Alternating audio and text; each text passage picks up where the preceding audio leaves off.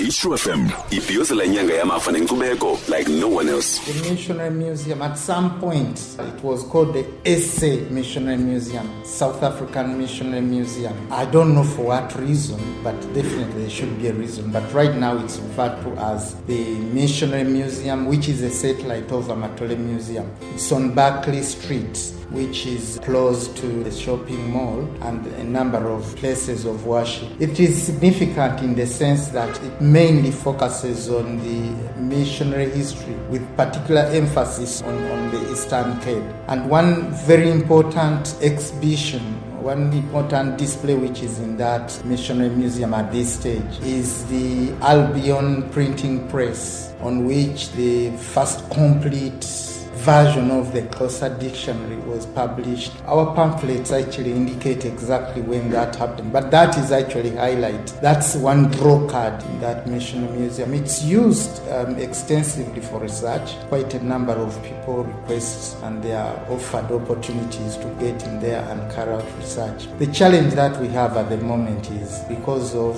manpower shortfalls. It's only accessible by appointment. It's not always open, but whenever people request, we make it a point that we open for them to access it. But it's a very important aspect of our offerings and a very important component of the heritage and history of this tru fm ikwazise ngobutyebi bephondo lempuma koloni like no one else